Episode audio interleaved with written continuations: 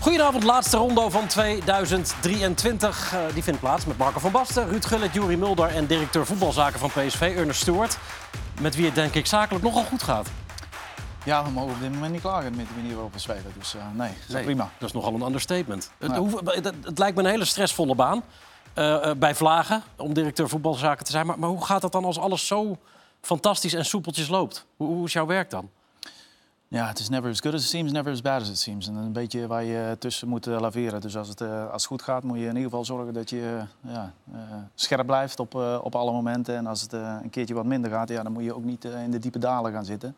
En proberen daar in ieder geval in mee te iedereen in mee te nemen. En nee, op dit moment gaat het prima. Maar we hebben nog een uh, lange weg te gaan. Ja, uh, ja. Je, je, was al een tijdje uitgenodigd. Dus het is niet zo dat je opeens gisteren na uh, die eerste helft tegen AZ dacht... laat ik eens even aanschuiven. De uitnodiging stond al een hele tijd. Maar hoe heb jij zitten kijken gisteren naar, naar de eerste helft van je Nou, met veel plezier. Zeker met name de, het eerste half uur tot, tot 35 minuten was echt heel erg goed. En dan, ja, dan zit je echt wel relaxed naar een, naar een ja, soort van schouwspel bijna te kijken. En de manier waarop we dat deden... Um, ik vond het ook met name vond ik het, bijzonder knap als je dan zoveel wedstrijden achter elkaar hebt gespeeld. Wat voor, met wat voor mentaliteit je een, een wedstrijd begint. Want als wij de dingen op, op een hele goede intensiteit doen en dat vanaf minuut één kunnen doen, dan ja, zijn we heel moeilijk te verslaan. Dit ja. vind ik heerlijk, deze wegdraaien. Dat zorgt ook wel weer voor, hè? want je ziet altijd maar kaatsen. Maar hij draait weg. Ik, ik heb zitten kijken en ik, moet, ik, ik, ik, ik, ik moest aan mezelf dat ik dacht van nee, dat is ook niet goed. Ik vond het gewoon ergelijk als AZ de bal had. en die hadden ze niet veel. Waarom maar dan? nou, omdat het zo leuk was om naar te kijken. Dat elke moment dat ze de bal hadden, gebeurde er iets. En dat je eigenlijk zat te denken van... Oh, eigenlijk had je gewild dat die helft niet af was. Want het was zo leuk. Dat gebeurde echt van alles. En ja, ik vind Boscalje en Schouten achterin... dat is echt een wereldfonds, die twee spelen zo goed. Makkelijk. Spelen de bal naar voren. Uh, nooit paniek. Kunnen ook verdedigen. Want Schouten komt daar ook steeds beter in. Ik zag hem op een gegeven moment in het begin... zelfs helemaal op het middenveld, helemaal doordekken. Hm. Nou, daardoor krijg je weer de bal terug. Ja. Dus, dus, dus het is niet alleen maar wat ze met de bal doen. Maar het is, hier staat hij ook weer op het middenveld. Hè. Het is vooral wat ze zonder bal doen. Dat, waardoor, waardoor de tegenstander... AZ kreeg gewoon die kon geen twee ballen naar elkaar spelen. Alles klopt momenteel. We gaan er zo meteen natuurlijk even veel uitgebreider in duiken. Maar traditiegetrouw doen we een openingsrondje ook. Met Marco's moment. Ja. Kom er maar in. Ja, zaterdagavond was het Atletico Bilbao tegen Atletico Madrid. En uh, Nico Williams die maakte daar een, ja. een zeer schone. De jongste van de twee broertjes? Ja. Ja, klopt, ja. Ja. Oh. Dit lijkt toch heel simpel, hè? Dus je, je staat eigenlijk uh, rand 16 en je schuift hem naar je rechterbeen. Ja. Van je rechterbeen naar je linkerbeen. En je schiet hem volgens de verre kruising. Dat is eigenlijk best simpel. Ja, het lijkt heel simpel, maar het is wel erg moeilijk. Maar het is uh, grandioos uitgevoerd. En wat ik ook zo mooi vind, die stadions in, uh, in, in die streken daar, in ja. Baskenland, zijn allemaal geweldig mooie stadions. Dus uh, dicht op het veld, helemaal vol. Dit Samames is echt fantastisch. Ja, ja, maar ze hebben er nog een paar. Dat is echt schitterend. Maar ja. goed, en dan de, de, tweede. Dus ik heb een... een twee momentjes? Gooi het maar van de meeste punten. Je hebt altijd twee momenten. Nee, nee, nee. Zijn vorige week had hij er vier in. Vier, ja. ja, maar dat kwam door jullie. Ja. Wat? Maar die andere is... Uh, kwam die echt zelf met vier? Jazeker. De andere is van uh, Real Madrid. Brian Diaz. Ja. En uh, dat is niet het schot, maar meer de, de actie van... Weer wegdraaien, zie je? Het is zo belangrijk, jongen. In Nederland zijn we alleen maar aan het kaatsen. Oh. Ja. Ja. ja. het is wel leuk, want de jongen is nu al uh, een aantal jaren uh, uitgeleend bij, uh, bij Milan en bij Manchester City. En hij breekt nu echt door, vind mm -hmm. ik. En nou ja, dat bevestigt hij met deze actie en deze goal. Het is gewoon een hele goede speler. Die eigenlijk vanuit het middenveld toch dit zijn aanvallende acties natuurlijk. Dat hij dat ook in huis heeft. Ja, wij dachten dat je wel met Ozyman zou komen. Die, ja, die, die ben ik aan het paal, ja, ja, ja. Nou ja, dat was uiteindelijk binnenkant paal van... Uh... Ja, de Kvaratskhelia ja, maakte hem af ja, natuurlijk ja, uiteindelijk. Dat was op zich wel een mooie actie, maar ja... Uh, ik uh, moet ook keuzes maken. Jazeker, ja, nee, maar, en die zijn al lastig zat. Nou ja, dit is natuurlijk verkeerd, knap, maar hier verliest hij hem weer... en dan vervolgens weer heeft hij weer terug. En dan schiet hem knijter uit binnenkant paal. Ja, ook spectaculair. Maar ehm, Was een beetje gelukkig. nou ja, eh, er zat weinig eh, tegen, laat ik het zo zo zeggen. Kijk hier. Ja, het is wel knap. Het is wel controle, toch? Ja, Ja, maar hier heb je een beetje mazzel. hier, hier, hier gaat het een beetje... Nou ja, hij is wel natuurlijk uiterst snel. En hij schiet hem binnenkant paal loeihard. Dus eh, het was ook een mooie goal natuurlijk, uiteraard. Ja. En tegen Bologna was het, of niet? Nee, tegen Cagliari. Eh, ja. Cagliari. Hey, en wat een omhaal, Juri. Hebben jullie allemaal? Dat was een omhaal gisteren in de arena, toch? Oh, die heb ik niet gezien. Die 2-2. Bij, eh, hij zet zijn televisie uit zo. Nee, toen heb ik hem ja, toen heb Ja. ik al omgeswitcht. Ja, ik zat een Belgische wedstrijd Maar was het kijken. nou buitenspel? Ik was eh, hier Nee, aan het buitenspel was het sowieso nou, niet. Het grappige was, ik heb deze wel gezien, twee hom- omha- De assist is ook Ja, een precies. omhaal. Ja, dus twee omhalen achter elkaar. Eh, omdat Let jij zo op, hè. fan van omhalen bent. Ja, kijk hier, dit is een omhaal. Maar had hij afgekeurd moeten worden? Hoe hoorde ik dat nou? Nee, dat Hens. Was dit? Ja. Dus was Hens inderdaad. Nee, je moet- daar nog, was het eh, Hens, eh, Van. Rens. Maar Nee, oh, heb, je dat, heb je dat ooit gezien? Dus dat de assist ook een omhaal is? Nee. Dan met een Maar ik zit te kijken, is, is het eh, niet gevaarlijk spel? Want Als, voor, Ja, dat kan ook. Als Dat kan Rens, ook als Rens wil Is die voor koppen- jou ook eh gevaarlijk? Nee, was- Welke bedoel je? Die, Die tegen van Den? Bosch? Oh. Nee. Oh, staat hij klaar? Nee, maar volgens mij... Hij is bang om te koppen. Ja. Ja, maar dan moet je gaan liggen. ja, ja. Als hij gaat liggen is het gevaarlijk spel. Ik zou, Ja, dat, toch? ik Ja. zou dat als verdediger toch een beetje dat soort slimmigheid erin gooien. Want Ja, hij doet nu zijn hoofd weg, maar eigenlijk is het natuurlijk... eh, ja. Gewoon- Gewoon doen alsof je aan het hoofd geraakt bent. ja. ja. Maar, maar het was toch helemaal... Het is Hens van Rens. Nee, hij gaat Toch? tegen zijn eigen hand. Nee, nee, het was wel Hens van de ja, jongen van ja, Zwolle. Oh, maar dat niet kan je maar niet strafbaar Hens, dat was een beetje de vraag. Ah, of, dat oké. het, eh, of dat het wel of niet was. Oké. Ehm, eh, jullie hebben natuurlijk ook een verleden in Alkmaar. J- jij hebt Marco ooit aangenomen als trainer. Hebben jullie elkaar nog vaak gezien sindsdien? We hebben al een paar keer geappt, maar Ja. eh, buiten dat eh, gezien, eh, gezien niet. Nee. Nee, het was een woelige tijd ook natuurlijk. waar- waarbij jij al vrij snel aangaf dat het toch niet voor Nee. jou was. Da- Ja. Daar kwam je er eigenlijk achter, toch? Ja, ja, ja. Nou, toen had ik er op een gegeven moment genoeg van, ja. Nou, toen hebben we gewisseld met eh John van der Brom, hè. Ja, klopt. Die kwam Ja. erbij. En dat was prima. Toen was ik eh, de, de assistentcoach. Wat, wat ik ook wel Wie was de, die andere die, die erbij Die was? zit nu bij Almere. Alex Ja, Pastoor. nou, ik kan me één moment herinneren. En dat vond ik best wel gênant. Dan kon ik hem wel vermoorden. Toen ging hij op een gegeven moment een, een klein besprekingje houden met bepaalde spelers. En jij stond er gewoon achter zo. Bij, eh bij Alex Pastoor. Bij. Ja. ja. En toen dacht ik, nee, dat kan helemaal niet. Nou, kijk, ik, ik, vind... ik heb me daar echt aan Ja. zitten ergeren. Nou, dat hij is- dus, Ik hè, vind wel... Ik, Ja, dus tien jaar geleden misschien. dat hij de bespreking met de spelers deed. En Marco stond er een beetje achter. Zo. Ik denk, ja, hij is toch de hoofdcoach? Ja, nee, maar en dat vond ik, dat ik vond vind ik het wel echt een prettig. Nee, rotmoment. dat, vond ik niet. Ik vind Vond het je wel prettig. Nee, als je, als, als, je bent een team ook als trainers onderling. Dus als, als eh, iedereen wat doet, vind ik geen enkel probleem. Ja, maar ik vond, het een, ik, vond het geen, ik vond het echt geen leuk moment om naar te kijken. Nee, nou, goed, in ieder geval, het, eh, het was zo dat eh, hij, hij sneed zichzelf een beetje zijn vingers. Want hij kreeg de kans eigenlijk om hoofdtrainer te worden. En toen ging hij gelijk een beetje te veel eh, vroeg hij en zo. Hij wilde gelijk eh, alles naar zich toe hebben. En jouw geschoven. plek hier ook natuurlijk, ja. op, de, op de parkeerplaats. En dat was eigenlijk een beetje een zo- zonde van, van hemzelf. Want uiteindelijk is daarna John van der Brom Ja, toegekomen. zo Ja. is het uiteindelijk geworden. En- Wa- Was jij verbaasd dat Marco dat aan jou kwam vertellen? Dat, dat hij het niet meer trok eigenlijk? Nou, laat ik zeggen, als je een eh, samenwerking met elkaar begint, dan is dat niet iets waar je, waar je vanuit gaat. Dus eh, eh, dat komt dan wel, eh, want we hebben eigenlijk twee momenten hebben we daarin gehad. Hè. Enerzijds eh, was toen we van de trainingskamp of een oefenwedstrijd terugkwamen. Mhm. was het eerste moment. En, en het tweede moment weet ik nog, toen werd ik gebeld. En toen wist ik eigenlijk al voordat ik opnam van, ja, ik, ik wist waar het over ging. En, en uiteindelijk ja, gaat het eh, hè, om gezondheid van mensen. En gewoon dat mensen gelukkig naar hun werk en met Ja. een lach naar hun werk toe kunnen. Dus ja, dat, dat ging niet meer. Dat, we, dat gaf hij ook eh, zelf eh, aan. En dan nou, hebben we proberen in ieder geval dusdanig op te lossen dat, dat iedereen in zijn kracht weer zou, zou komen. En, ja, ik kan me ook nog een aantal momenten herinneren, want dat, was wel, dat is dan wel heel leuk. Hè? Eh, Marco die, die ging dus, eh, was één assistent trainer, maar twee hadden we ook een soort van, eh, een, een soort van masterclass voor spitsen. Nou, dat was echt In de jeugdopleiding? nou, er kwamen spitsen vanuit de jeugdopleiding en dan ging hij eh, met, aan de slag. Maar Ja. niet alleen voor die, voor die talenten was het geweldig. De tribune zat gewoon vol. Oh ja? Ja, was echt, ja, ik, ik vond het wel enorm leuk om naar te kijken. Want dat, dat, ja, dat is natuurlijk wel Het was ook wel leuk werk, moet ik zeggen. Wat, hoor. wat dat deed kan je me voorstellen. Allerlei oefeningen. Ja. Aannames, eh, afronden, één op één van de, a- van de linker, rechterkant, snelle ballen. Dat was op zich wel leuk. Maar eh, ja, dat heeft uiteindelijk een... eh dat seizoen heb ik afgemaakt. En eh, daarna ben ik naar eh Nederland zelf gegaan met eh Ja. Ja. Danny, Danny Blind.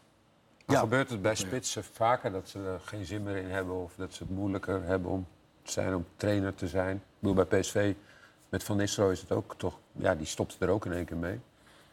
Nou, ik weet niet of dat met spits te maken ehm, heeft. Maar ehm, ik kan me wel voorstellen dat dat eh, coachingsvak is natuurlijk een ervaringsvak. Hè. Daar gaat heel veel tijd en energie gaat daarin zitten. Eh, ja, je bent er eigenlijk vier- 24-7 ben je daar constant mee bezig. En dan kan aan mensen gaan vreten. Ja. Dat, daar kan ik me wel iets bij voorstellen. Nee, maar omdat je vaker ook, zeg maar, de, de, de meeste trainers... en volgens mij ook wel de beste trainers... dat zijn vaak ja, verdedigende middenvelders of eh, centrale verdedigers. Maar nou, ook vaak keepers niet spelers zoveel. die niet echt gelukt zijn als speler.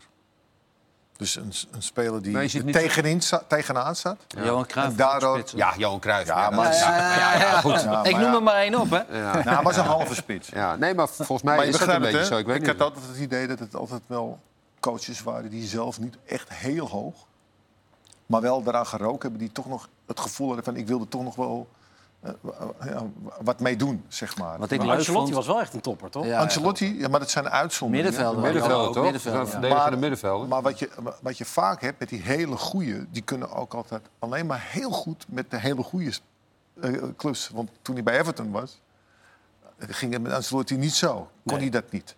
Maar als hij weer met hele goede spelers, die snappen precies wat, wat hij bedoelt. Ja, dat is hetzelfde met Zidane. Ik zie Zidane niet naar een ploeg gaan waar hij niet op hoog niveau. Want dat is wat hij, wat, hij kan. En daarvoor wil hij natuurlijk ook het Franse nationale elftal. Want dat, die kunnen geloof ik wel drie elftallen opstu- eh, opstellen. Nou, wat belangrijk is voor een trainer is dat je je energie houdt en dat je er ten alle tijde plezier in hebt. Of het nou goed of niet goed gaat, maar je vindt het leuk. Hè?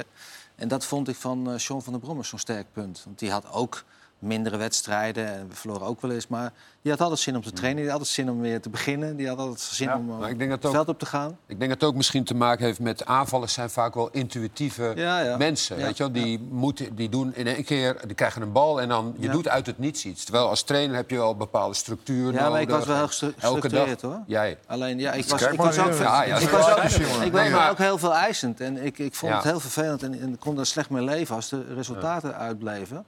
Ja, het kostte mij te veel kracht. En eh, dat, eh, ja, dat, op de lange termijn bleef ik niet, eh, bleef ik niet heel, als het ware. Hm. Peter ik denk Bos wel dat je een beetje een punt hebt hoor. Eh, als, je, als je dat zo zegt. Hè. Intuïtie is één, maar dan heb je het tweede eh, punt is ook mensen die heel hard hebben na moeten denken over hun carrière in, in, op het veld staan en, en wat ze moeten doen om een profcarrière te hebben. Die zijn net even wat, wat voor op, eh, op anderen die dat later gaan krijgen. De intuïtionele spelers of de spelers Ja. die zo goed zijn. Maar ik ben ook, ik Ik, ben dacht ook, nooit eh, trainer te worden. Nee, maar ik ben ook aan geblesseerd geraakt en heel lang weg geweest. Ja. En als jij als oud speler eh, meedoet, dan ga je op een gegeven moment ook denken van... oké, over vijf jaar ben ik misschien trainer. En dan let je al op. Ja, Dan ga je trainingen ja. bekijken, ga je trainers bekijken. Ga je ook met spelers ander- anders praten. En ga je ook wedstrijden nog veel intenser beleven, ook tactisch. En, en, weet je, dat- dit is een fase die ik niet heb meegemaakt. En ik denk dat dat ook een rol speelt. Maar goed, eh, het is zoals het is. Valt Peter Bos misschien ook in die categorie? Als speler in de as natuurlijk. De top gehaald in Nederland, bij Feyenoord. Ook in Oranje gespeeld, maar natuurlijk niet echt de top Nee. van de top. Die, die, die valt eigenlijk misschien wel in die categorie die je net zelf omschrijft, toch?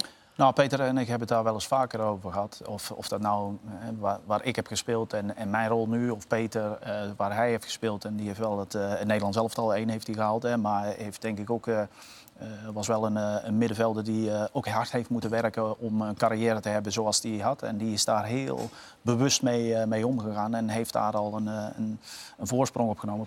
Plus het feit dat hij nu al heel lang in het vak zit en, en dus heel veel ervaring heeft om het overbrengen van. Want dat is wel een van de dingen. Je, wil, je kunt wel heel graag op een bepaalde manier willen spelen, maar hoe ga je dat overbrengen op je spelers? En dat is eigenlijk de kunst van een, eh, Dat is coach. de- je ziet dus dat, die, dus dat technisch directeuren zijn vaak aanvallers. Huiberts is een aanvaller. Nee, Ja, nou nee, dat is mooi. eh, Bruggink is een aanvaller. eh, Overmars is een aanvaller. Begeristijn is volgens mij ook een aanvaller, of niet? Oh, ja, dat is een buitenspeler. Toch? Is een keeper of niet? Nee, linksbuiten. nee, linksbuiten. nee, nee, nee. linksbuiten. Ja, klopt. toch? Ja. Dus die, hebben een, die moeten een beetje bluff, die moeten een beetje goed, goede handelsgeest, die moeten wat durven, risico nemen. Ja, Is dat, het een- is dat dan wel, maar eh, Wietse? Ja, nee, zeker. ja. Nee, ik, zit, ik zit mee te denken. Ja. Ja, maar ze zijn van alle soorten. joh. Ja, ja, Je je daarom. hebt- Dat denk ik je ook. hebt- Maar Wat- denk jij dat, dat Bos een beetje veranderd is? In die zin dat hij vroeger veel speelde om het mooie. Dat nu het mooie erbij komt. Maar dat hij, wat, dat hij veel meer nadenkt over, over een wedstrijd. Hoe hij die kan winnen. Want hij zei het ook, hè, toen hij hier in de uitzending zat. In het begin zei Het is hij, wel anders ik dan- wil nu gewoon een keertje winnen. Ja. Maar het is heel anders dan hoe hij met de Heracles speelde vroeger. Ja, Toen wel, was het echt Nee, eh, maar hij met is z'n allen naar voren Maar en hij is ook naar Lyon denken. gegaan. Weet je. Hij heeft natuurlijk wel eens een tuurlijk. lesje geleerd. Hè? Dortmund, Ik heb nu het idee dat hij... Daar heb ik als groot voorbeeld heb ik die wedstrijd van Feyenoord bijvoorbeeld. Daar heeft hij zich ook een beetje aangepast aan Feyenoord... om te kijken waar ze hun pijn konden doen. En Feyenoord had daar moeite mee. En die heeft toen toegeslagen. Snap je? En ik heb het idee dat hij daarin verder is als trainer, zeg maar. Dat het niet niet alleen maar voor de mooie gaat. Ja, nu komt het gewoon goed uit voor hem dat het gewoon mooi gaat. Omdat ze gewoon zo goed spelen. Maar ik denk dat hij nu ook dat andere kan. Hebben jullie het daarover gehad tijdens de onderhandelingen? Van, van het, het, het verwachtingspatroon van, van weerszijden, zeg maar? Want ik neem aan dat jij prijzen en mooi voetbal wilt. Ja, Maar, maar hoe spreek je dat dan af? Nou, dat, dat gebeurt een beetje organisch, eh, zou ik bijna willen zeggen. Want ja, ik ken Peter natuurlijk niet van, van 20 jaar geleden. Of, maar de manier waarop hij speelde, dat was wel iets waar wij... ehm, toen, toen Ruud eenmaal vertrok, gingen we, eh, hadden wij een idee van... we willen op een bepaalde manier willen heel graag spelen. Nou ja, als je dan gaat kijken in Nederland, dan, komen daar niet zoveel eh coach voor. Dus Peter was met stip op nummer 1 om dat te doen. Maar wat er wel doorscheen in al die ehm, eh, gesprekken die we met Peter. Ja, hij is echt een winnaar hoor. Dat heeft hij als, eh, als speler heeft hij dat gehad. Ik heb een, een jaartje met hem samen mogen spelen bij NAC. Ja, die kon echt ziek zijn van een eh, partijtje verliezen. Een partijtje, hè? niet wedstrijden aan Ja. zich, maar een partijtje verliezen. En eh, ja, dat heeft hij wel meegenomen. Dus ja, enerzijds wel zou ik zeggen. Anderzijds zou ik bijna willen zeggen... Maar je wist wat groep- je in huis haalde. Ja, je weet wat je in huis je weet haalt. wat je in Daar huis haalt. Ja, maar wat ik dus heel duidelijk zag dat hij hier was... dat hij zei, ik wil nu winnen. ja, ja. Want het, het mooie voetbal is één. En ik heb nu het gevoel dat het daar een beetje naar neigt. Dat hij nu veel realistischer is in, het, in hoe hij een wedstrijd kan winnen. Ja, want Ju- Juri, waarom denk jij dat hij er nu in slaagt inderdaad om goed voetbal aan resultaat te koppelen?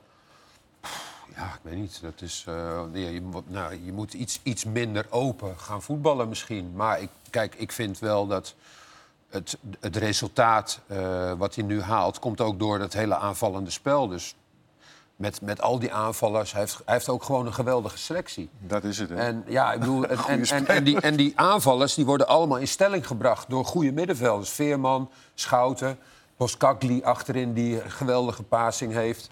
Dus ja, dat, dat, dat, dat past allemaal goed bij elkaar. Ja. En met dank, dank aan, eh, aan eh, Ernest. Nou, dat wilde ik net vragen. Hoe, hoe, hoe- hoe is dat tot stand gekomen? Eh, in- in- hoe ging de samenwerking tussen jullie bij het samenstellen van deze selectie? Ehm, nou, het begon al wat, eerder natuurlijk. eh, want we waren al met Ruud waren we bezig om, eh, om de volgende stappen te maken richting het volgend seizoen. En, eh, en hoe we heel graag wilden spelen. Nou ja, goed, dat liep zoals dat liep. En vervolgens eh, ehm, is er eigenlijk best wel vrij korte tijd om, om de selectie samen te gaan stellen. Dus één, ja, je hoofdcoach is het allerbelangrijkste in, in alles wat je doet. Ook een speler die naar je toe komt, die wil ook weten wat het plan is omtrent eh, ehm, hoe het voor hem eruit gaat zien. Dus aanstellen van de coach was één daar belangrijk in. En vanaf dat moment liggen al lijsten klaar met spelers zoals wij heel graag eh, binnen de visie van PSV wilden spelen. Want eigenlijk is het heel simpel. Hè. We hebben de tweede begroting van, eh, van Nederland. Ja, dan moet je eigenlijk altijd alle, eh, alle tegenstanders die maar kwam hij ook met een lijst? Of, kwam hij, of was hij gewoon aan het, aan het afvinken van... nou, die, die, die, die, die, daar kunnen we het allemaal mee, mee doen? Nee, eigenlijk gebe- gebeurt het een beetje andersom. Hè. Wij, wij hebben dus de lijsten ehm, hebben we voorgelegd met het idee van... dit zijn de spelers waar wij van denken. Eh, dit zouden we heel graag aan toe willen voegen... als het gaat om een stukje creativiteit, als het gaat om doelpunten eh, maken. Ehm, en vervolgens eh, laat je dan beelden zien en clips zien... want hij heeft natuurlijk een tijd in het buitenland gezeten. Hij heeft natuurlijk wel eens, ehm, eh, eh, wedstrijden gezien en gevolgd. En, eh, en heeft veel vertrouwen gehad in, eh, in, ja, in de directie eh, om, om een, eh, selectie met hem samen te stellen, met die spelers. Ehm, en ja, ik, ik, ik heb veel gelezen over het feit dat onderhandelingen duurden zo lang omdat hij heel veel eisen had richting spelers en zus en zo. Nou, dat is dat helemaal niet. Helemaal niet. Dus, dus het is jouw selectie die daar staat. Nee, ja, PSV. het is nooit. Het is, ja, het is PSV-selectie en iedereen heeft daar. Want het kan niet zonder een coach. Je gaat niet iemand daar neerzetten eh, zonder een coach. We hebben Marco en ik ook samen gewerkt. Je gaat niet een speler eh, bij iemand in zijn mik duwen die, waar hij niet in ziet zitten. Maar over en weer is er dan ook vertrouwen naar hetgeen wat er al is gebeurd, wat er gescout is. En dus eh, samen hebben we, eh, met z'n allen hebben we die selectie eh, samengesteld. Ja. Het zijn wel allemaal spelers die waar het volgens mij het eerste naar gekeken is, echt het voetballend vermogen. Ja. Hè, Tilman, eh, Schouten. En niet zozeer, nou oké, kan die ook... Maar natuurlijk verdedigen is belangrijk, maar kan die ook beuken? Kan die ook eh, een beetje verdedigen op het middenveld? Hè? Sangaré is dan weg, maar dan moeten we misschien net zo'n type weer terughalen. Nee, een voetbaltype, voetballend type ervoor teruggehaald. Dus dat, dat, dat is denk ik wel, dat is wel duidelijk te zien. En Ja. jeugd. Hebben een goede... eh, Ja, we hebben een aantal jongens die uit de jeugd komen. Hè. Babari, Saibari, die het, eh, die het geweldig eh, hebben gedaan. Jorbe Vertessi, die verhuurd was en, en weer terugkomt. En die hebben allemaal een rol van betekenis gespeeld. Of Ja. het nou om de Supercup is gegaan of, of het plaatsen voor. Ehm, ja, is echt... Maar wat mij opvalt, vind ik ook... Dat vind ik altijd het allerbelangrijkste in voetbal. Je ziet gewoon dat ze plezier hebben met elkaar. Het, het plezier spat er vanaf. Ze, ze voelen elkaar aan, ze gunnen elkaar ook alles. En dat is wel leuk om naar te kijken. Maar kan je ook wel, als, als je soms wel eens te egoïstisch, die zoekt te Iets, veel. ja. Hè? En die wordt dan af en toe dan wel eens toegesproken. Maar ik vind het ook geweldig hoe Luc de Jong speelt. Aanspeelpunt ook weer in de eerste goal. Hè? Hoe die dan hè, als kaatsen, zo slim. Iedereen vult elkaar gewoon goed op. Het is gewoon leuk om naar te kijken. Is de selectie nu perfect in balans, wat jou betreft? Eh, ja, je zou zeggen van wel. Hè. Met, eh, Dus geen, niks, eh, geen wintertransfers. nou, ik ben sowieso niet van... eh, Nee? wintertransfers vind ik best wel eh, eh, Nou, er komt er eentje. lastig in die zin. dat- Noah Lang. Ja, nou ja, we krijgen een aantal spelers krijgen we terug. Krijg je hè, terug, met, hè? eh, met Noah, met eh eh, Armel Bella Kotschap, eh, waar we tot op heden eh, weinig plezier aan hebben gehad, omdat hij nog niet eh, eh, beschikbaar en fit is geweest voor het grootste gedeelte. Dus die komen weer terug. Winterstop is toch best wel lastig in die zin dat je spelers gaat halen die, ja, die, dat, ja, Ja. die, die heb- moeten dan in zo'n korte periode wennen aan. Ehm, en Peter heeft met zijn staf ja, ongelooflijk werk gedaan in de, in de voorbereiding. En, en dus een langere tijd om, om de intensiteit dusdanig te kunnen brengen. En eh, eh, de omschakelmomenten zoals we die eh, gisteren dan eh, zeker het eerste half uur echt ongelooflijk hebben, hebben gezien. Ja, dat, heeft, dat heeft wel tijd nodig voordat mensen kunnen wennen. Dus als het is, dan heeft het veel meer met de toekomst te maken dan... eh, dan Ja, geen te directe grote versterking. Laten we, laten we heel even naar Peter Bos luisteren als het gaat om zijn grootste transferwens. Nou, de belangrijkste wens is dat in ieder geval deze jongens blijven. Houdt niemand weg? Dat, dat is vaak al eh, voor een trainer. Nou ja, goed, als ik, als ik naar deze mooie club ook kijk. Je moet toch vaak aan het einde van het jaar je beste spelers verkopen. En eigenlijk wij in Nederland allemaal. Dus dan moet je weer overnieuw beginnen.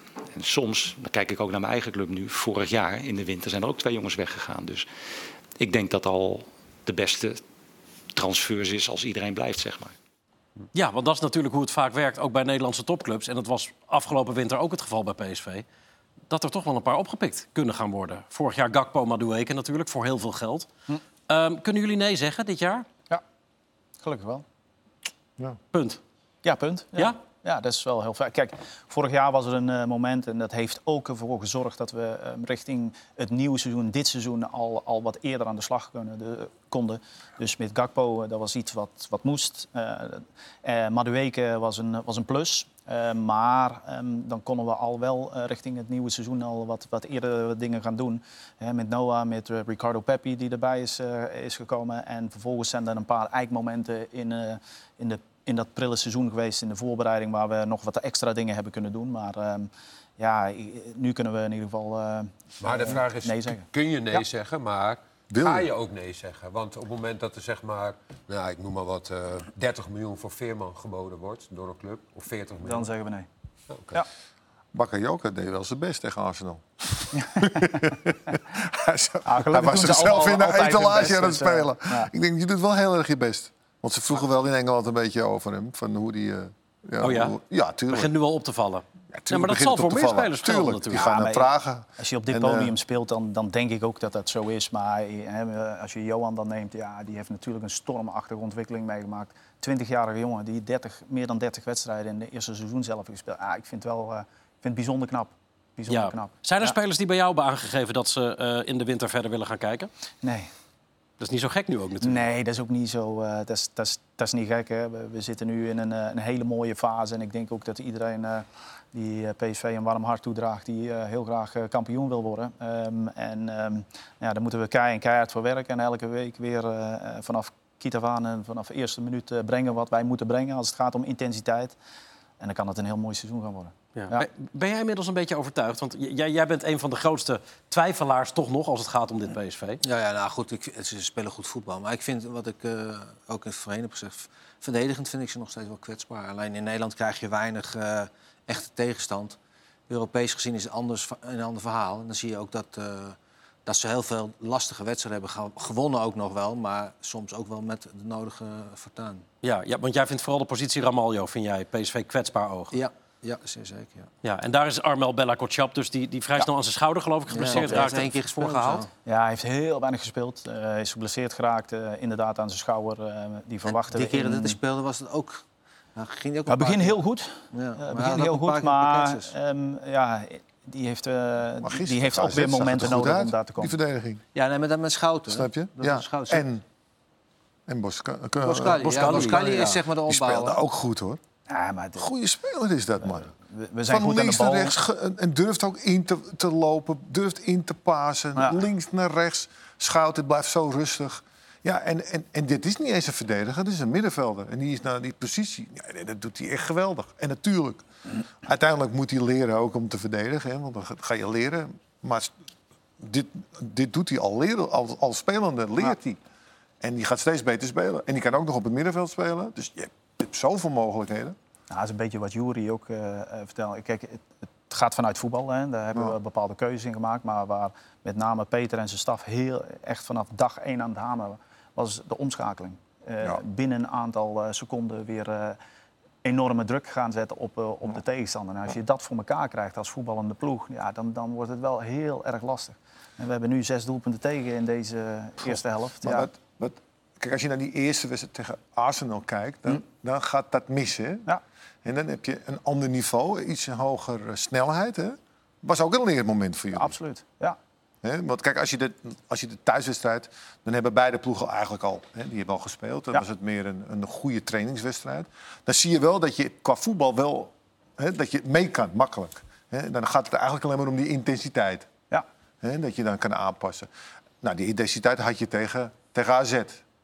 De hele tijd. Ja, de hele tijd. Ja. Dus als je dat op kan... Maar het ligt natuurlijk ook aan de tegenstand. Als je in de Premier Absoluut. League gaat, heb je dat elke week. Of je dat nou tegen Everton hebt of eh, Burnley. Maar dat is ook dat mooie leermoment waar je het Ja. dus over hebt. Hè? Als je ziet Ja. eh, die wedstrijd tegen Arsenal in de 16 aanvallend en verdedigend, hoeveel mensen zij ehm, eh, erin hadden om, te, om alles te blokken. En vervolgens eh, aan de andere kant gewoon eh, drie tot vier mensen Ja. aanvallend hadden ze ook weer eh, erin. Ja, Hoe- in daar kwamen wij niet aan toe. In, in hoeverre was dit dan, hoewel jullie beiden met een ander team speelden, zeg maar de- de speelronde 6, voor jullie ook een soort van meetmoment van kijken waar we nu staan tegen die jongens? Nou, ik denk dat dit meetmoment heel mooi is in de zin van eh, dat, je met een, eh, dat het niet om elf spelers gaat. En dat het om een brede... Dus we hebben eh, buiten de, de, de spelers die het vaak spelen eh, en heel veel minuten maken... zie je dus ook de ontwikkeling van een aantal spelers die niet zoveel minuten hebben gemaakt. En wat dat ook eh, met eh, wat de staf voor elkaar heeft gekregen. Dus dat, ja, dat is wel mooi en prachtig om te zien.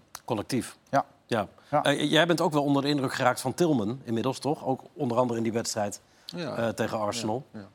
Dat geldt voor iedereen, denk ik, aan deze Ja, tafel, ja, ja. afgelopen weken. Ik Ja. vond die vorig, vorig jaar al heel goed toen hij bij Glasgow speelde. Hè. Toen, eh, en bij Bayern heb ik hem ook wel eens gezien. Nee, het is gewoon een ja, hele goede speler. Heel, technisch heel goed. Heeft goed gevoel voor de ruimte.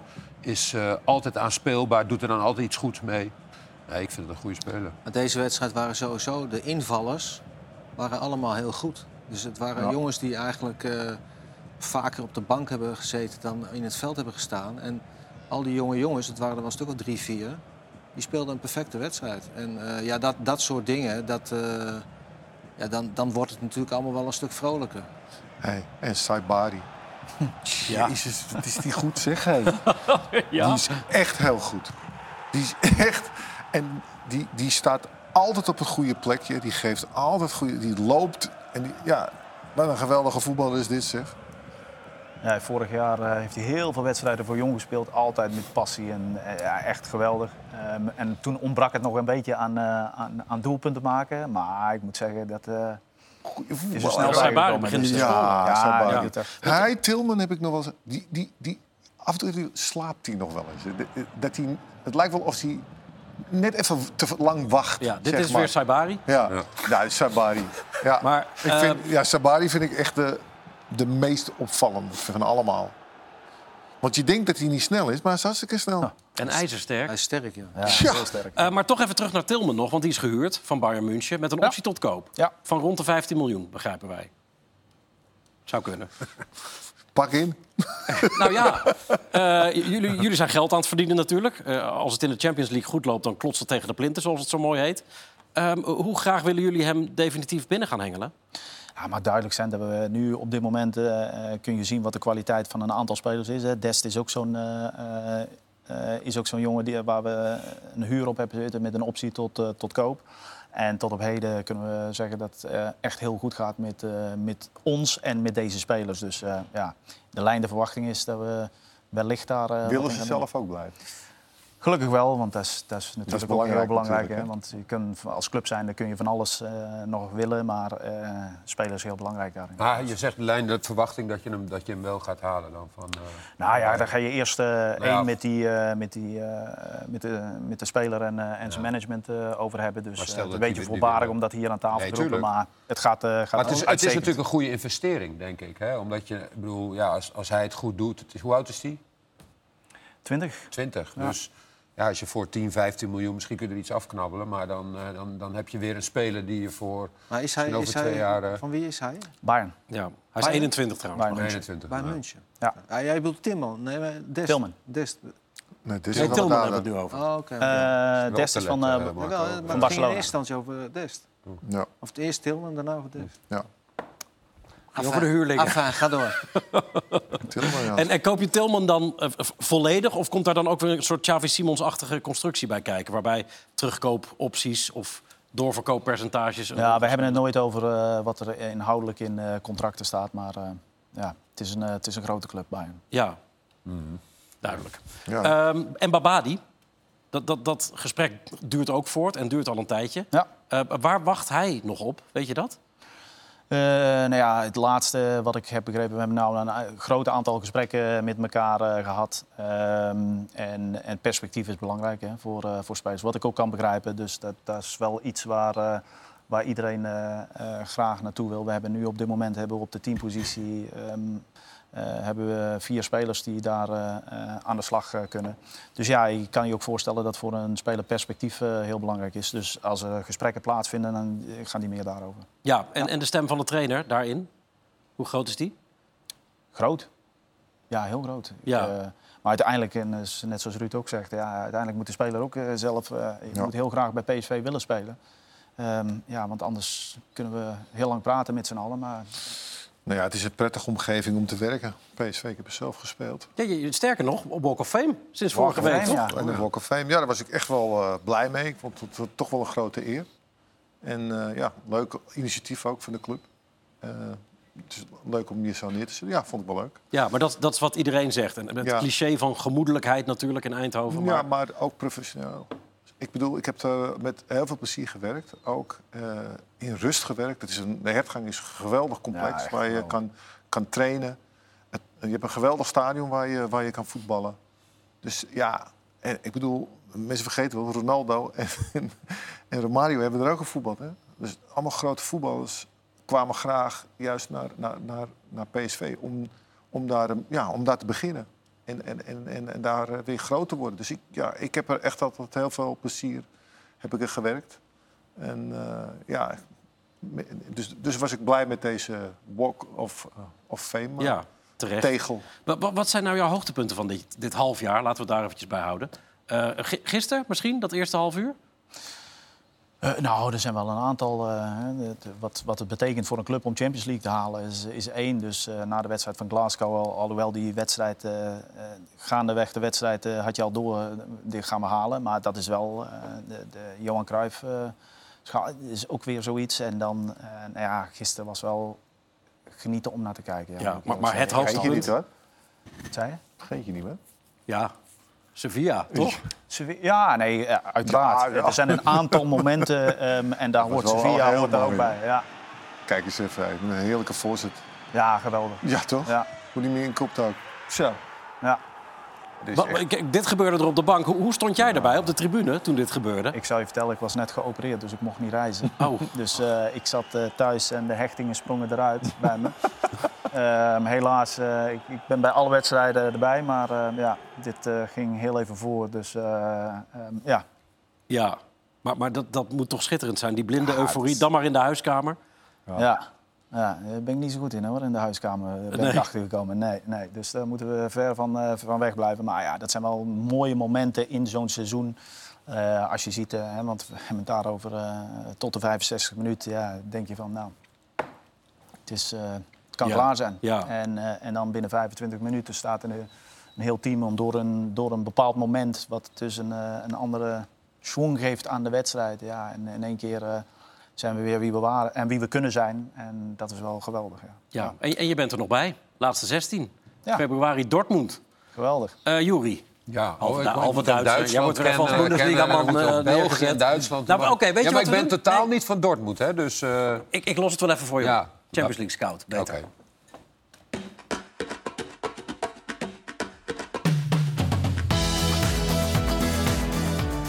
Met Borussia Dortmund treft PSV een tegenstander die dit seizoen behoorlijk kwakkelt. Het won niet één van de laatste vijf wedstrijden en staat in de Bundesliga teleurstellend vijfde.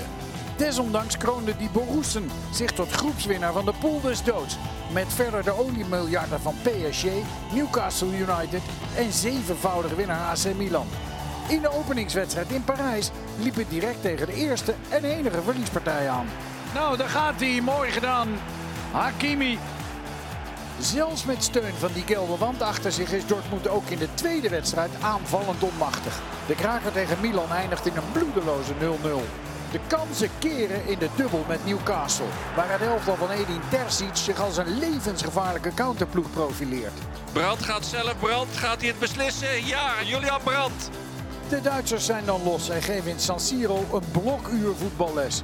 In de laatste speelronde heeft het daardoor aan een gelijkspel tegen PSG genoeg voor de groepswinst. Weet je nog, de coronapandemie? In het voorjaar van 2020 lag het voetbal echt overal stil... en moesten we dus iets verzinnen om toch nog over voetbal te kunnen praten. Dat werd tussen de palen en dat werd wat ons betreft hartstikke leuk. Nu, drie jaar later, dachten we, waarom niet gewoon weer opnieuw beginnen? En dat doen we, met allemaal topgasten uit de voetbalwereld. Kijk elke vrijdagavond naar Tussen de Palen op Ziggo Sport... of zoek naar Tussen de Palen in je favoriete podcast-app. De eerste uitzendingen van het nieuwe seizoen staan al online... dus abonneer je op de feed om geen van de prachtige voetbalverhalen... uit Tussen de Palen te missen. Tussen de Palen, elke vrijdag op Ziggo Sport. die is Nou, daar ben je weer bij, Jori. Ja, bedankt. Ja, een beetje Jekyll and Hyde. Vijfde dus in de Bundesliga. Ja, Eh, goed. matig presterend, maar in de Champions League groep des doods gewonnen. Ja. Eh, wat blijft er voor jou dan onderaan de streep over qua, qua verwachtingspatroon? Nou ja, ik moet zeggen, wij, wij zaten met een aantal mensen zaten vandaag te kijken. En dan bleef er eh, Real Madrid, Man City en Borussia Dortmund over. Dus eh, ja, goede loting. Ja, toch? Ja, uiteraard. Ja. Ja, dat- het is ook nog eens in de buurt. Het is een prachtige club, maar het, is, het lijkt inderdaad qua voetbal. Hetzelfde. ja. Toch? Ja. Nou ja, ze hebben in het centrum die twee van de, van de meest mobiele spelers, zijn niet snel. Zule, Zule en Hummels.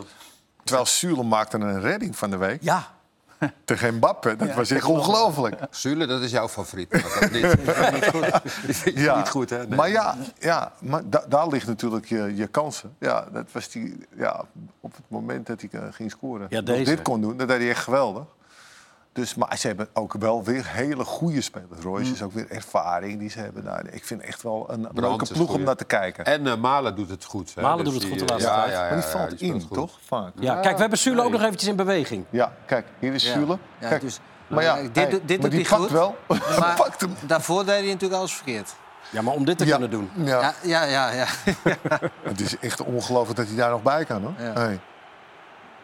Hij creëert zelf zijn eigen fout. Ja, ja, echt geweldig. Kijk eens, goed kijken. Hop. Nou, Wa- Was Peter Bos blij met de loting? Ja, ja volgens mij wel. In die zin, eh, dus, het zijn alleen maar goede ploegen. En als je dan eh, een aantal ploegen mag hebben waar je uit kan kiezen... om eh, een beetje perspectief te hebben, dan, eh, dan is dit wel een goede. Ja, want er staat nog een bonnetje open, Jury. In Dortmund, toch? Met Bos. Oh ja, hoe is hij daar weggegaan? Dat weet ik Nou, het ging heel goed het eerste half jaar. Ja, en daarna implodeerde het. Dat is een beetje Ja. het Peter Bos cliché van het begint goed en dan zakt het daarna in. Ja, dat gebeurde altijd daar. bij die Duitse clubs. Dan worden die trainers er altijd snel uitgegooid. Maar ehm, Heb je het idee dat het voetbal van Dortmund PSV een beetje ja, ligt? ja, ik denk het wel. Het is, gewoon, het is wel open voetbal. Dus het is een beetje ook het voetbal. Nou, wat werd net gezegd wat, wat PSV ook wel speelt. Hoewel dat is misschien iets meer op balbezit ehm, gestoeld. En bij Dortmund is het ook veel natuurlijk in de omschakeling. Hè. Heel snel eruit komen. Ehm, ja, met, met goede spelers voorin. Hè. Dus eh Adeyemi is, is, is echt een enorm talent.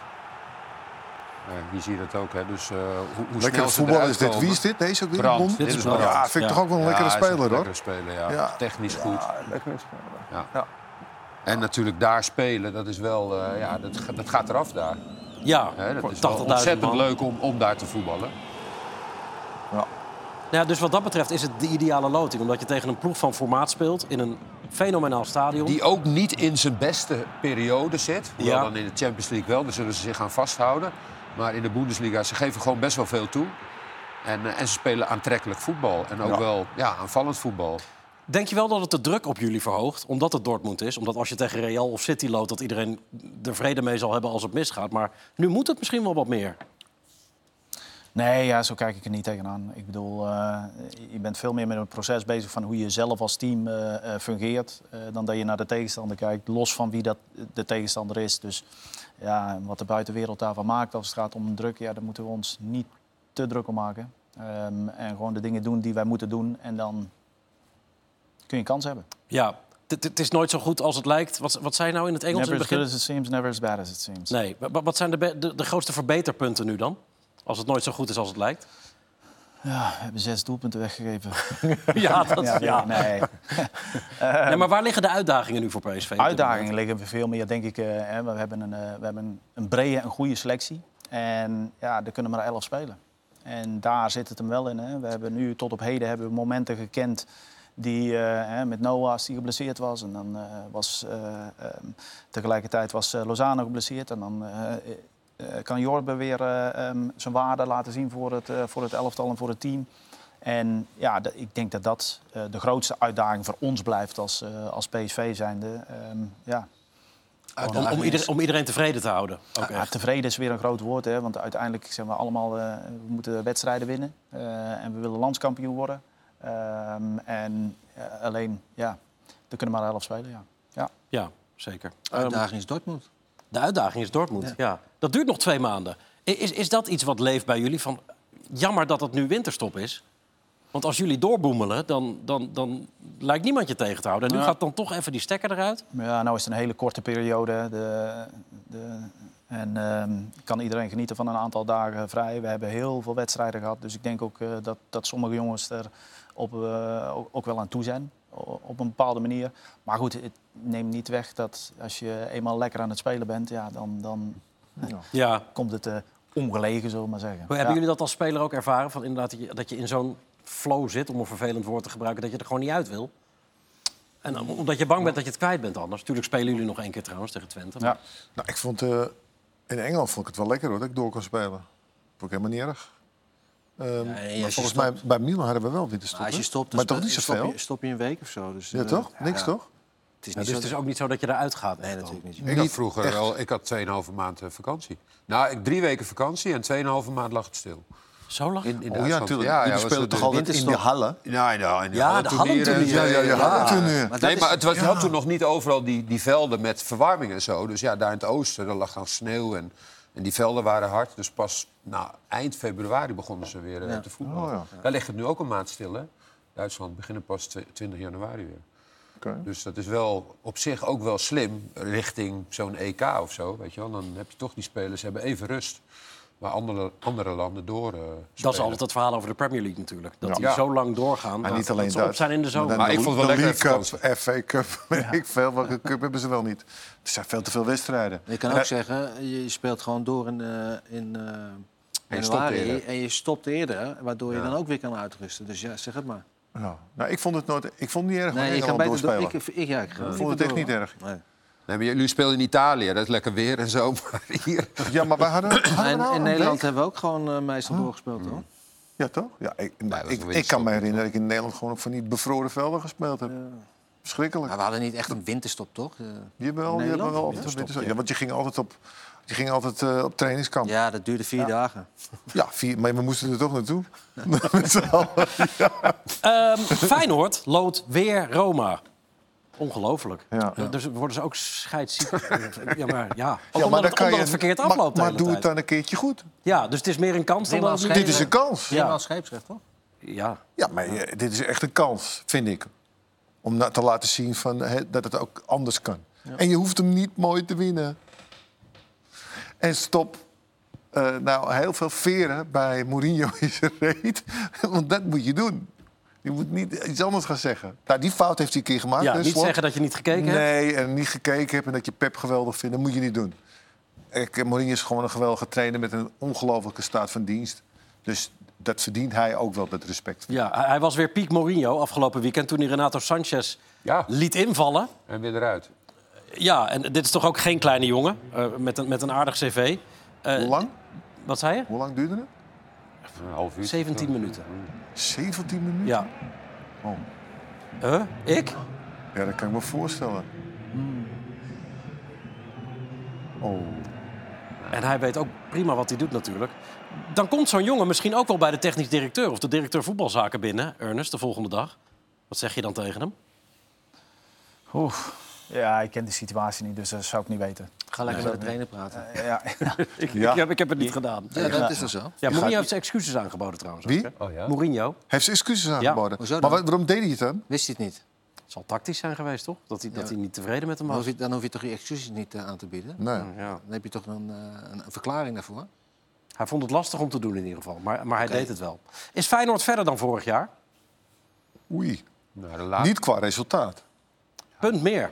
Ja. maar qua resultaat in die zin... Ze hebben toch wel wat deukjes opgelopen. Het, ik, ik vind gewoon het feit dat- dat ze wel de energie blijven behouden. Ze blijven wel het, het ding doen waar ze goed in zijn.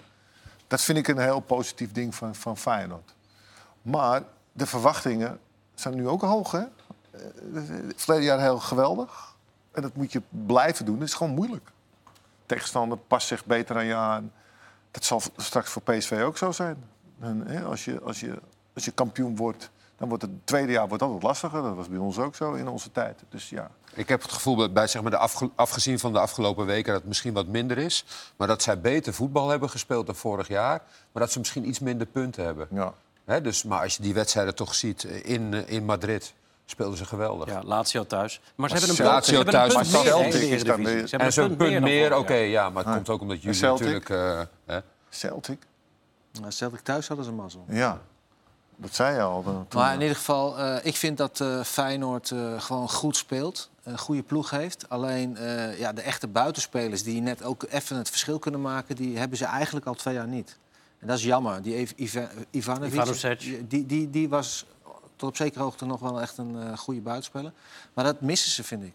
Spits is goed, middenveld is goed, achterhoede is goed. Dus ja, wat dat betreft... eh, ja, het is net niet, net niet helemaal Net niet. rond. Ja. Dus ook net niet goed genoeg voor Champions League overwintering. De frustratie Nou ja, was enorm woensdag. Blijkbaar. Ja. blijkbaar. Ja. En het is natuurlijk makkelijk lullen achteraf. Maar ja, eigenlijk, eh, ik bedoel, die wedstrijd hebben we allemaal gezien. je had uit bij Atletico een punt moeten hebben. Thuis moet je winnen. Lazio thuis moet je winnen. Uit bij Lazio moet je niet verliezen. Maar dat gebeurt allemaal wel. Dus ja, Ja, wat zegt dat dan over? Ja, ja dat, het, eh, dat het niet mee zat. maar die laatste goal ook, dat je zo onder zo'n bal doorgaat. Hier, kijk Deze. nou. Kijk nou. Het is zo amateuristisch. Jezus. Kon nog geen krant onder. Maar goed, dat was, dat was Jiménez die helemaal in zijn eigen zesje Ja, staat. maar voor de goal moet ook gedekt worden. Tuurlijk, maar het is zo makkelijk. oh, ja, Als Jiménez daar staat, dan moeten die verdedigers daar ja voor de kijk, goal hij, wordt meteen, hij draait meteen om naar Jiménez. Van, wat doe je nou? Ja, dat zijn toch dingetjes. Ja, het, het is een spits. Dat, dat zeg je dan. In zijn eigen Die 16. kan niet, die kan niet Ja, nee, maar die spits mag dat doen, vind ik. Maar voor de goal moet er wel gedekt worden. En daar, dat is een grotere fout, vind ik. had het idee dat ze dachten van, nou, die, die raakt hij zeker wel. En daardoor ben je net even Maar dat laat. moet je niet denken als verdediger. Nee, ja.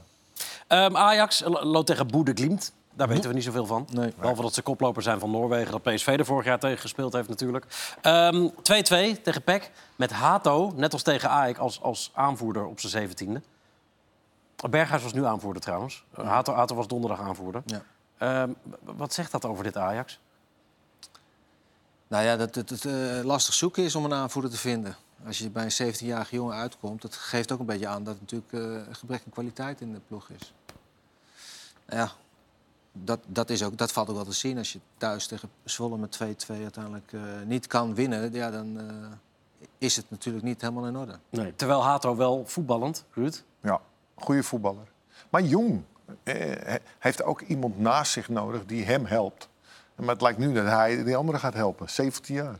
dat kan natuurlijk niet.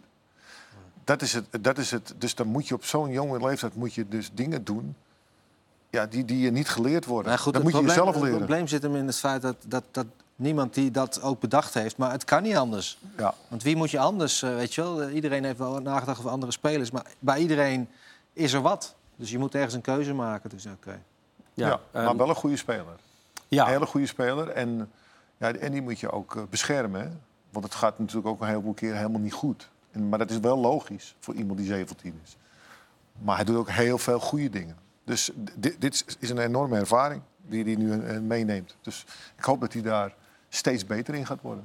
Ja. Divine Rens kreeg nog de vraag overigens eh, hoe er bij eh, Ajax door hem en door anderen gedeeld werd met jouw eh, kritiek, onder Ja. andere. Eh, ja, ik zag het ook voorbij komen. Ja. Marco is wel iemand van, eh, van vele kritiek, eh, die niet snel tevreden is. Eh, ik heb ook nog een paar dingen gezien eh, wat hij zegt over eh, een paar spelers, wat, wat niet waar is om het zo te zeggen. Maar ja, het is Marco. Ehm, ja, soms is die kritiek veel te heftig en eh, soms kan het ook niet. Eh, soms vind ik ook wel dat ze af en toe gewoon een soort van een, eh, ons steuntje in de rug kan, kunnen geven. Of een speler dan, om het zo te zeggen. In plaats van zo erg kritiek te geven. Maar ja, het is wat het is. Ze zitten daar ook. Het is hun werk, denk ik. Maar ja, wat ik zeg, ik probeer uit die kritiek motivatie van te maken. Niveau Cambuur, zei je ooit, over Divine Rens. Wa- wa- Wat, vind je ervan als je dat zo'n jongen hoort zeggen? Van ja, komt wel hard aan soms ook. Ja, dat is ook wel. Dat is, natuurlijk is dat zo. Aan de andere kant, het zijn ook volwassen kerels die bij eh, Ajax eh, gewoon goede contracten hebben. Dus in principe kan je daar wat van zeggen. Ik vind ook trouwens dat hij best goed is. Hij heeft ook een heleboel positieve dingen, hoor, want hij is aan de bal, is hij best wel comfortabel. Hij is snel, maar hij heeft altijd wel een klassiek foutje, weet je. En dat is bij Ajax is dat gewoon eh, killing. Dus ja, je mag daarin, vind ik, zeggen wat je wil. En eh, dat, eh, dat, ja, dat eh, doe ik ook. Begeleiden jullie spelers daarin? Omgaan met kritiek. En dan gaat het niet alleen om deze tafel, maar eh, social media. de- die enorme druk die er ontstaat. Natuurlijk, Ajax had laatst die actie met die puntjes op het shirt. Ja. Zijn jullie daar Ja, veel mee bezig? actie. Puntjes, joh. Eh, Ja, puntjes ja, op ik kan wel shirt. zeggen... Ja. Ja. Kijk, aan die puntjes. Silent social media. Dat ging dus inderdaad over de haat en de druk die, die veel voetballers op zich gericht weten. Ehm, Nou gaat het niet zozeer om kritiek, hè. gaat het veel verder dan, dan, ehm, dan dat. Het gaat om haten op, eh, op social media. En eh, dat is niet alleen iets van eh, binnen het voetbal. Dat is natuurlijk een maatschappelijk probleem is het, tegenwoordig. En, en mensen hebben daar, eh, ehm, ja, kunnen daar last van hebben. En wij proberen in de jeugdopleiding in ieder geval alvast wat, wat stappen daarin te ondernemen. Om, om, om in ieder geval te beïnvloeden wat nou de goede dingen zijn die je kan doen, wat zijn nou de mindere dingen. Ja, en ja, aan- aan de andere kant eh, ehm, ja, weet je ook dat spelers... eh, uiteindelijk is kritiek is, is nooit leuk, hè? maar Ja. het ligt eraan wat voor kritiek het is. Hè? Want Maar wat je zei hebt- hij nou aan het einde? Dat hij de motivatie uit probeert te halen. Ja, ja. En even voor de eerlijkheid, bedoel, jouw kritiek is heel wat anders dan de, de sociale Absoluut. media haat Ja, die ik ja. eh, aanspreek. Ja, ja, ja. Als je zeg maar, die spelers hebt, hè, motiveer je juist jonge spelers om op social media te gaan en Nee. dingen te posten. En je hebt ook wel clubs die kijken, oh, die heeft zoveel volgers, die moeten we halen. Ja, nou, Daar ja. wordt echt mee ge... Ja, ik kijk daar zo niet in. naar. Maar, Ja, die zou ik niet ehm, halen, maar- inderdaad, je, je ziet het wel met spelers. Hè, want de, de- het, het volgen van spelers, ehm, dat gebeurt. Nou ja, en als je dat doet, als je jezelf eh, kwetsbaar opstelt... of in ieder geval je, jezelf naar voren toe brengt... Ja, dan, dan kun je ook verwachten dat daar af en toe reactie op komt. Dus op het moment dat je dat niet doet, ja, dan, dan krijg Krijgen ze, daar ook, krijgen ze daar ook les, tenminste les in hoe je daarmee om moet? Want er zijn zoveel fouten Ja. gemaakt met jongens die uit, in één keer iets, iets neerzetten... waar ze heel veel, ja, heel veel reacties Ja, op krijgen. absoluut, ja. Daar, eh, praten jullie mee, ook met jullie spelers? Binnen de jeugdopleiding gebeurt dat, ja. ja. Want alles wat je, gewoon een footprint wat je neerzet, ja, dat gaat niet zomaar weg. Hè. Nee, het blijft dat, dat- altijd, dat hè? blijft daar altijd hangen. Nogmaals, dit gaat veel verder dan voetbal en is gewoon echt een maatschappelijk, eh, maatschappelijk probleem. Ehm, en haat moet helemaal wegblijven, want daar gaat eh, tegenwoordig helemaal nergens over. Ehm, en je mag daar van alles roepen en vinden ehm, zonder een. een ja, eh, wij zitten hier en, en eh, je hebt een bepaalde mening, maar er zit een gezicht bij, er zit een naam zit daarbij. En, en als je op social media gaat, ja, het is zonder naam. Het is, Je kunt maar roepen. Maar je kunt beter gewoon misschien helemaal niet ernaar kijken. Alleen ja, dat is voor, ik bedoel, ja, voor de jeugd is dat ook lastig. Die is zitten de hele vanzelfsprekend. tijd op- Ik kijk nooit Nee, naar. maar, Ik ook niet. nee, maar wij zijn, niet wat, eh, zij, wat wij mensen ervan vinden. Dus ja, wel, maar ik ga is- naar antwoorden. De meesten kijken naar wat, ze, hè, wat, wat de respons is. Jij zit daarop. alleen maar hier op die telefoon, eh, Ruud. Ja, ik zie maar alleen ik- maar op Instagram. Ja, ik zie alleen ik maar dingen die jij, niet- die jij post. Ja, maar ik jij kijk maakt de hele niet- tijd foto's. Ik kijk niet naar Nee. wat mensen ervan vinden. Ja. Dat, dat interesseert me niet. Ik zet het erop. Dat vind ik leuk. En dan houdt het op. En wat je ervan vindt, moet je zelf weten. Ja, nooit naar Jij gekeken. zit ook de hele tijd op Instagram. Marco, hij zit niet eens. Hij weet Hij maakt een beetje wat over. Puntjes, puntjes. puntjes. Bobby zei over kritiek van jou dat, dat hij graag jou ongelijk wil bewijzen. Ja. Hij maakt er weer twee. Ja, Ja, die, die zit hij wel in een hele positieve Ja, eh, ja vibe hij is zeker eh, de afgelopen weken is hij, is hij wel goed bezig. Klopt. Nou ja, Ja. eh, graag. Ik, ik heb het liever zo dan eh, zoals in het begin van het seizoen. Is het jouw bedoeling ook om, om echt te motiveren? Of, of wil je- geef je gewoon puur je mening, punt? Ja, ik geef wel mijn mening. En ik hoop dat ze er inderdaad ook wel wat eh, misschien mee doen. Maar eh, ja, uiteindelijk is dat aan hun. Ik, bedoel, eh, ik, ik zeg in principe wat ik ervan vind. En eh, ja, ik, ik kan me voorstellen dat het soms heel vervelend is. En ik kan me vo- voorstellen dat het soms uitdagend is. Of misschien eh, wel motiverend. Maar dat is uiteindelijk aan hun.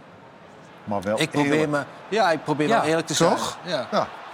En ik, eh, ik ben eh, blij als, als Ajax het goed doet. En ik ben blij ook als zeg maar, de spelers het goed doen. Maar als het niet goed is, ja, dan vind ik het vervelend. En dan zeg ik er wat van. Maar kom je ook terug op je kom Zo simpel is het. Maar kom je ook terug op je mening als je zeg maar nu beter... Ik bedoel, is, eh, kun je ook voorstellen dat je zegt van... nou, dat heb ik toch niet helemaal goed gezien? Nee, maar kijk, eh, dat- ik heb je ook- het nog steeds een ik- eentje die bij Cambuur... eh, Nee, ik heb het nu over Brobby, hè, dat is anders. Hè. Maar Brobby is natuurlijk ook een jongen die gewoon... Hij heeft een enorme explosie. Hij is snel, hij is sterk. Maar als je hem technisch ont, ont, ontleedt... dan is daar nog veel verbetering eh, te vinden en te maken. En ook met koppen. En dat is wat hij moet doen. Want hij wil een grote speler worden, logisch. Nou, dan moet hij dus heel veel met de bal trainen. Met één, eigenlijk elke dag. Tot Hij het zou een oneindige. goede, goede spitsentrainer kunnen gebruiken. Ja, ja hij maar goed, die, dat... eh, Ja, John Bosman. ja, nou, is toch goed. ja. Ja. Ja, dat is ook een goeie. Dus, maar, weet je, dus de- dat is... eh, kijk, je wil gewoon graag dat jouw team eh, zo goed mogelijk voetbal speelt... zo goed mogelijk spelers heeft. Ik bedoel, twee jaar geleden, toen zei ik ook dat Ajax fantastisch was... onder eh, Erik ten Hag. Toen hadden ze ook een, in februari een doelgemiddelde van 70 voor en 5 tegen. Ja, toen was het smullen. En dan heb je ook nog wel eens op bepaalde spelers... Hè, Anton, Anthony was ik ook nog niet helemaal... eh, maar goed, Nee. Als het goed is, dan eh, zeg ik het ook. Helder. Eh, we gaan nog even over de grens kijken, want daar gebeurde ook heel veel interessants.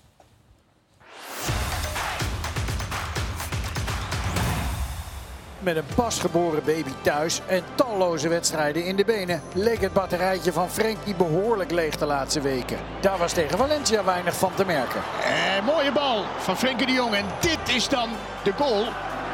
De Nederlander strooide met basis, al bleek hij de vlag op een modderschuit. Barça morste namelijk alweer punten.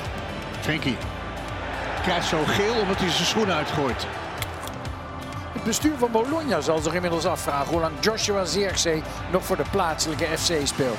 Tegen dolende AS Roma schitterde de Schiedammer deze keer niet als afmaker, maar danste en goochelde in de voorbereiding van beide goals. Ook in La Douce France treffen we Nederlandse spits in bloedvorm.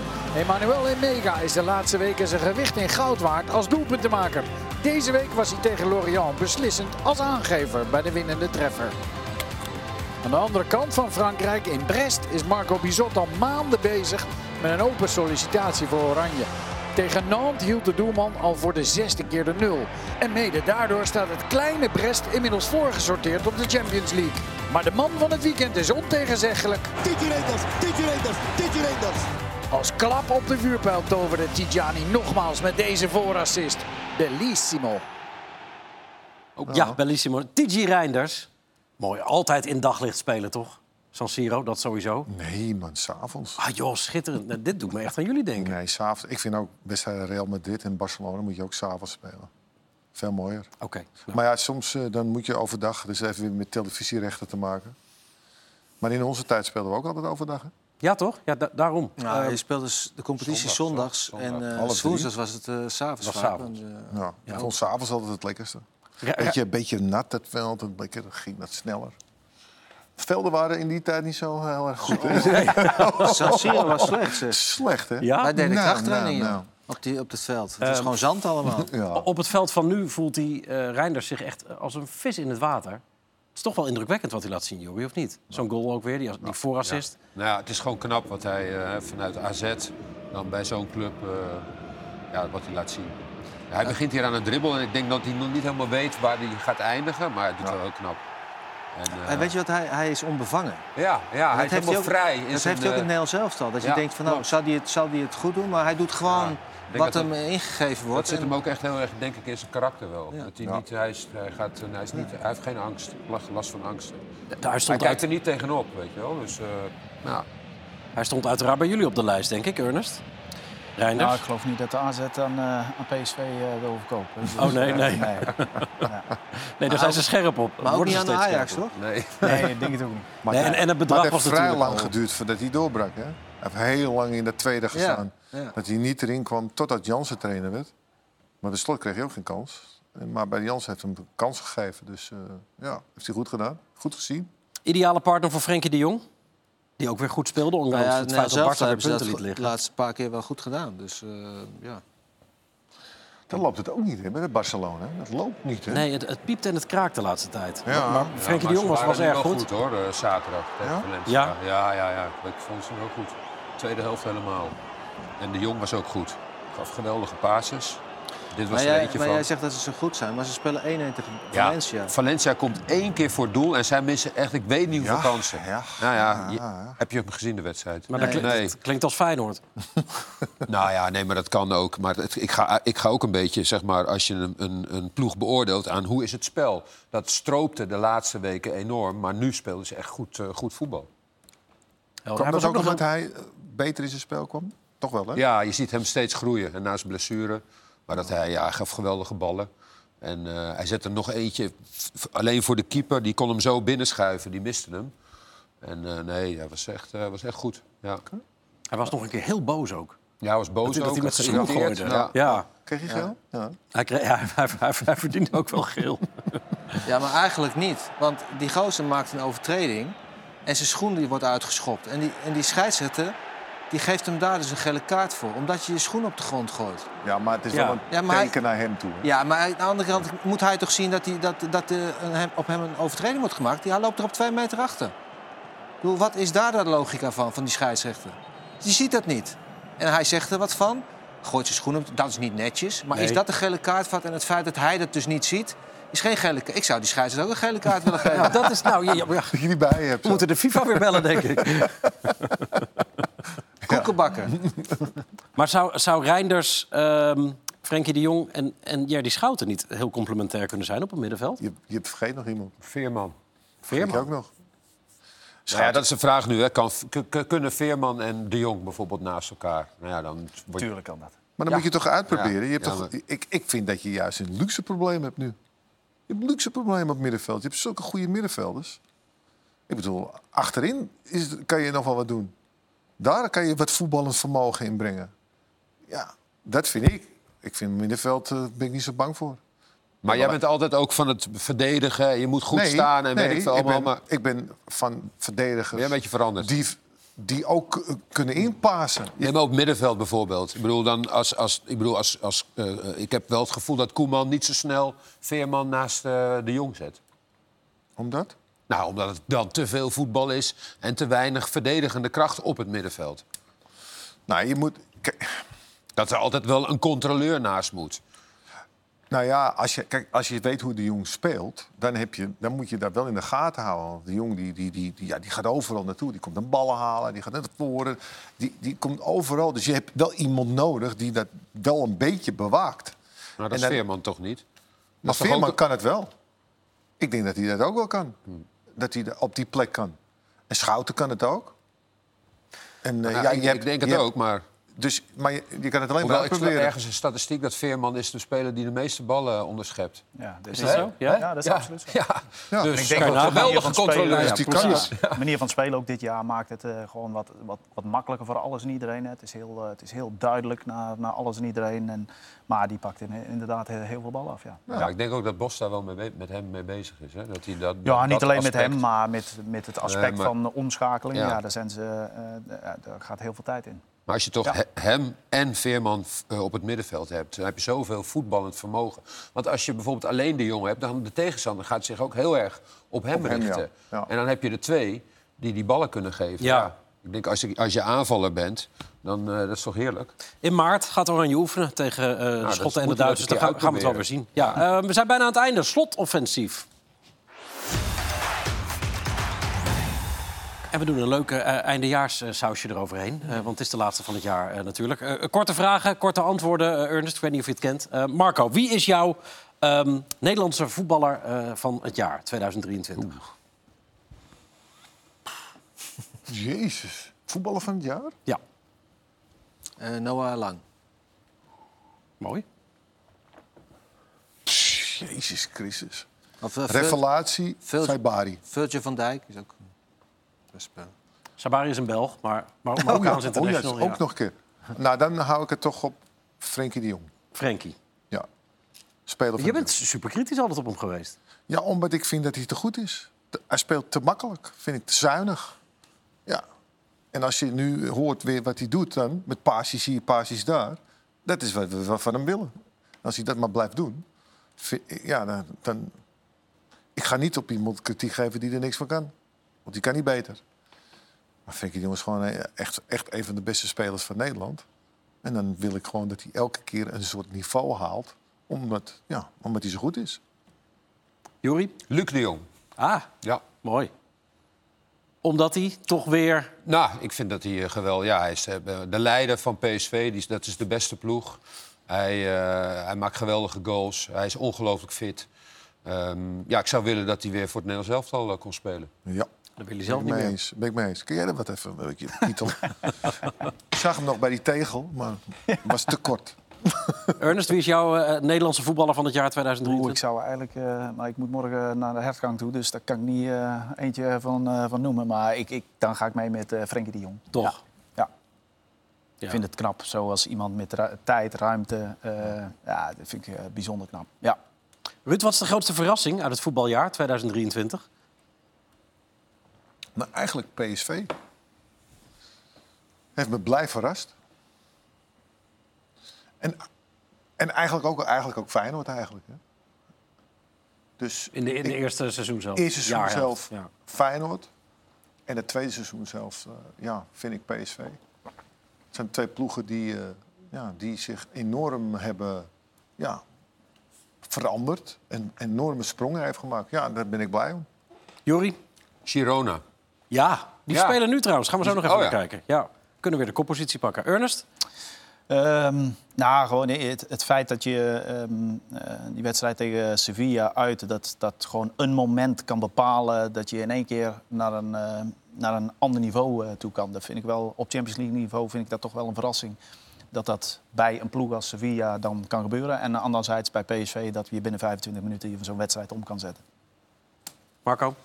Eh, Manchester City heeft eh, voor het eerst sinds tijden de Champions League gewonnen. Was niet echt een verrassing meer, toch? Nou ja, eh, daarvoor hebben ze dat niet gedaan. hè? Nee, dat is waar. dat is ook alweer zo. Eh, en, en het mooiste moment, Juri?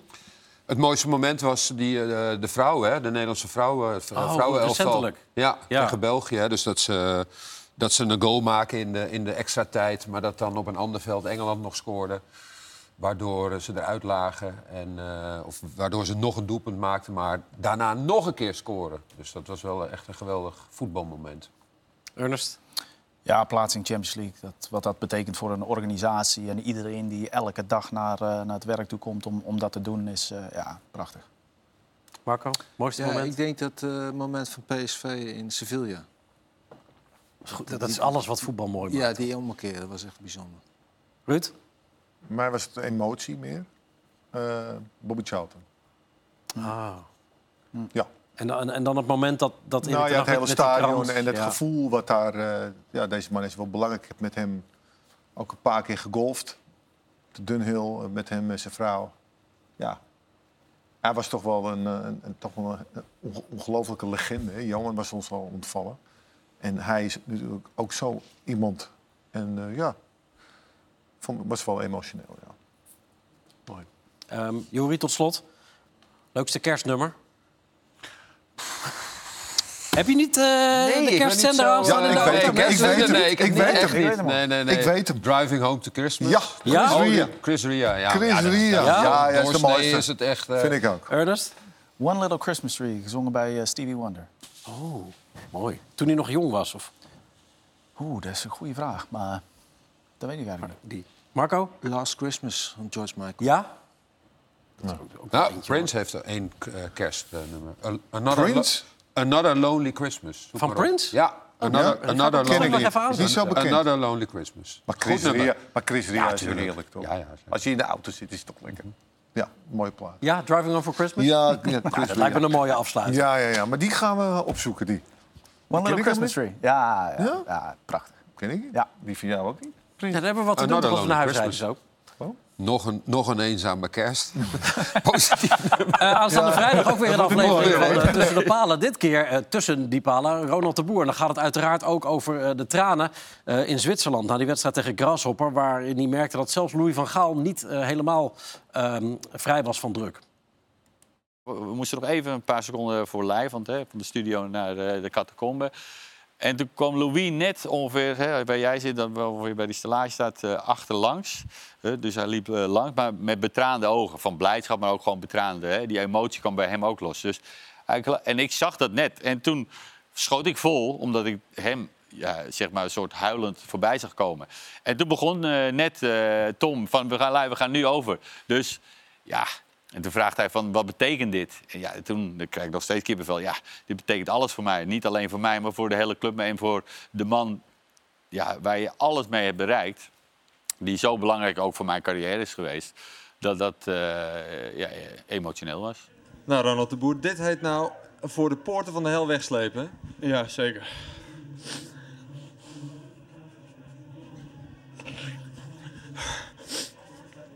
Sorry hoor. Oh.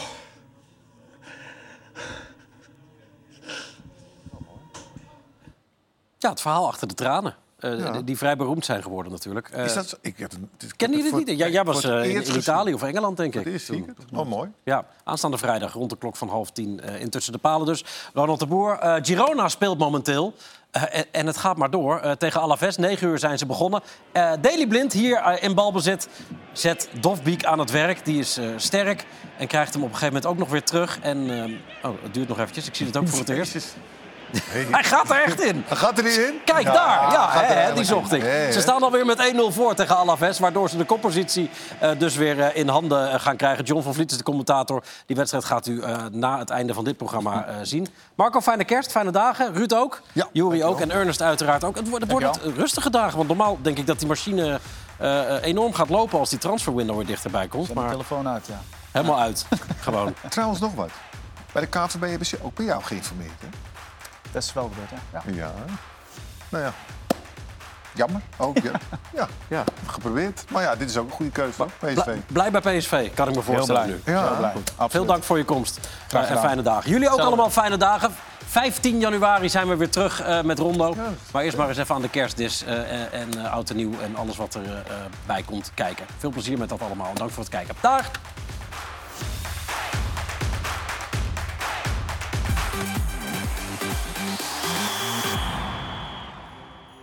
Kerst staat dit jaar in Eindhoven weer volledig in het teken van de geboorte van Peter Bos. De Brabanders staan stil bij het verhaal waarin de verlosser Peter in een kribbe in een schuur in Apeldoorn werd geboren. Het verhaal zal van generatie op generatie worden doorgegeven. De drie trainers uit het oosten die een tweede ster aan de hemel zagen en vervolgens de ouders van het kindje Peter meedeelden dat ze een zeer bijzonder kind op de wereld hadden gezet. Ze hadden verschillende presentjes mee. Een ruime selectie, scorende middenvelders en vooral Noah Lang.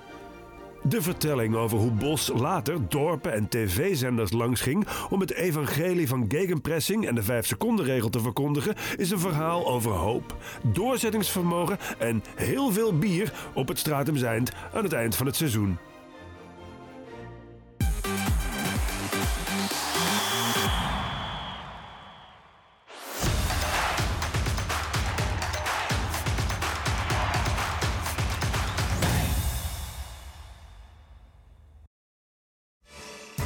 Weet je nog, de coronapandemie? In het voorjaar van 2020 lag het voetbal echt overal stil en moesten we dus iets verzinnen om toch nog over voetbal te kunnen praten. Dat werd tussen de palen en dat werd wat ons betreft hartstikke leuk. Nu, drie jaar later, dachten we, waarom niet gewoon weer opnieuw beginnen? En dat doen we, met allemaal topgasten uit de voetbalwereld. Kijk elke vrijdagavond naar Tussen de Palen op Ziggo Sport. Of zoek naar Tussen de Palen in je favoriete podcast-app. De eerste uitzendingen van het nieuwe seizoen staan al online... dus abonneer je op de feed om geen van de prachtige voetbalverhalen uit Tussen de Palen te missen. Tussen de Palen, elke vrijdag op Ziggo Sport.